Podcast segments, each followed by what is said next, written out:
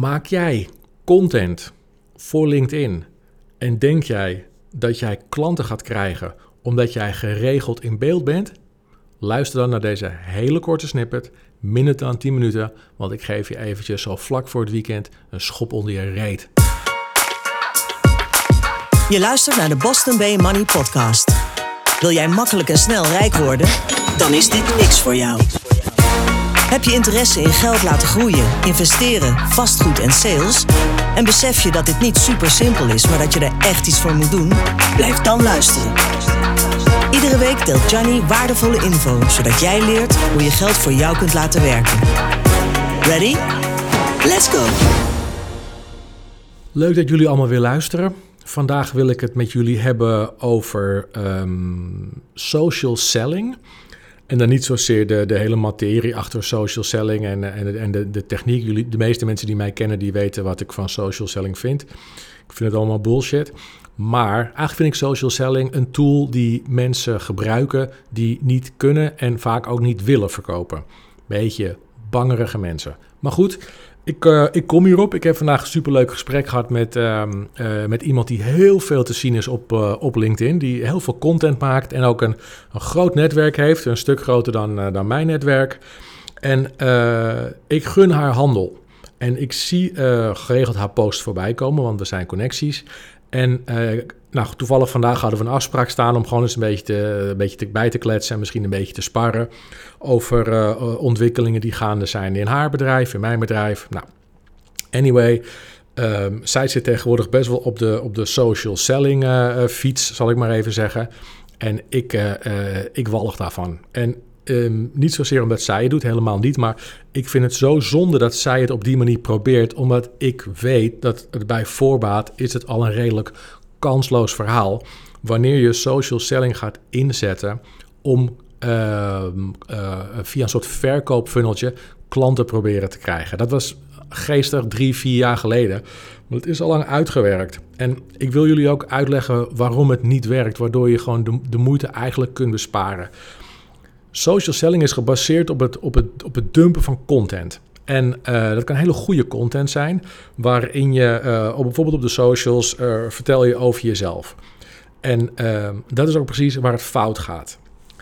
Mensen blijven oppervlakkig, met name op LinkedIn. Ze blijven aan de oppervlakte. Het is allemaal gebaseerd op angst. Die content die ze wel maken op reguliere basis is bijna allemaal gebaseerd op angst. En dat is de angst om anders te zijn en de angst om echt onderscheidend te durven zijn.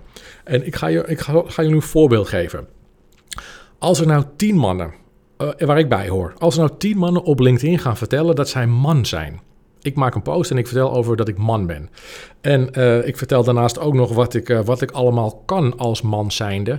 En uh, wat ik dan ook nog toe een beetje meemaak als man. Nou, ik denk dat heel veel mensen dat, met name vrouwen, zullen dat denk ik wel vermakelijk vinden. Want als je dat een paar keer hebt gelezen, dan kom je waarschijnlijk tot de conclusie dat ik als man zijnde eigenlijk niet zo gek veel kan.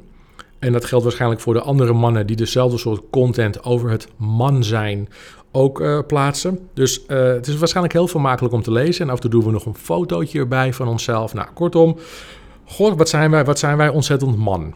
En uh, dat klinkt heel dom, want je zou denken, ja, dat, wat slaat dat op, John? Wie doet het nou? Nou, dat is precies wat je nu op LinkedIn overal ziet gebeuren. Iedereen kletst een beetje over zichzelf en uh, denkt dat een persoonlijk inkijkje genoeg zal zijn om klanten te krijgen. Een slap tekstje, een fotootje, een afbeeldingje, soms een video. En de gedachte erachter is ook heel, heel simpel en heel overzichtelijk. De gedachte is namelijk, als ik nou veel in beeld ben met mijn business of met mijn dingetje, dan zal iemand die behoefte heeft aan mijn business contact opnemen op het moment dat diegene daar behoefte aan heeft, omdat zij mij herinneren. Ja, maar als we nou teruggaan naar het voorbeeld met die mannen, en dan gaan we hem nog straffer insteken. Wij, al, wij als mannen gaan nu niet eens wachten tot iemand ons benadert die, die, die behoefte heeft. Nee, wij stappen gewoon op, op onze potentiële klant af. En in dit geval is dat een leuke dame die aangeeft dat ze op zoek is naar een relatie met een man. Nou, oké, veel beter wordt het niet, want ik ben een man. Ik heb geregeld content geplaatst over dat ik een man ben. Nog een hele hoop anderen hebben dat ook gedaan. En hoppatee, daar staan we dan met tien mannen staan we, staan we verschrikkelijk man te zijn. We zijn ontzettend man te zijn voor die dame haar neus. En uh, ze moet ons kennen, want we hebben het op LinkedIn vaak over on, ons man zijn gehad. Nou, en we, staan daar een beetje en, op een gegeven moment uh, zien we die dame een beetje moeilijk kijken. En ze wil echt een relatie met de man, dat heeft ze aangegeven. En toch wekt ze niet de indruk dat ze een van ons gaat kiezen. En weet je waarom ze ons niet gaat kiezen? Omdat we voor haar, voor haar zijn wij allemaal hetzelfde. Wij zijn letterlijk eenheidsworstjes. En dat geldt ook uh, voor uh, tien virtual assistants die ik online zie. Uh, tien groeicoaches, tien SEO boys, tien content managers, weet ik veel. You name it. En ze zijn tien verbinders, tien LinkedIn trainers, you name it. Ze zijn allemaal hetzelfde. En dat zijn ze misschien niet in het echt, maar als we naar hun content kijken, ik zie geen verschil. Wat maakt jou nou anders dan die andere negen? Dat is namelijk wat ik als toekomstige klant wil weten. Op het moment dat ik de behoefte heb aan jouw business, dan wil ik weten wat jouw vaardigheden zijn. Wat maakt jou nou beter dan die andere negen die ik ook op mijn timeline voorbij zie komen? Waarom moet ik nou jou bellen? Alleen maar een beetje content droppen, dat gaat hem echt niet meer worden. Dat is echt zo 2008, toen je nog de enige was die veel content plaatste. Maar nu doet bij wijze van spreken al jouw concurrenten doen het ook. Je moet het verschil maken. Maar dan moet je wel de veiligheid van de kudde durven verlaten en laten horen en aantonen waarom jij beter bent dan de rest. Wat kan jij nou dat anderen niet kunnen?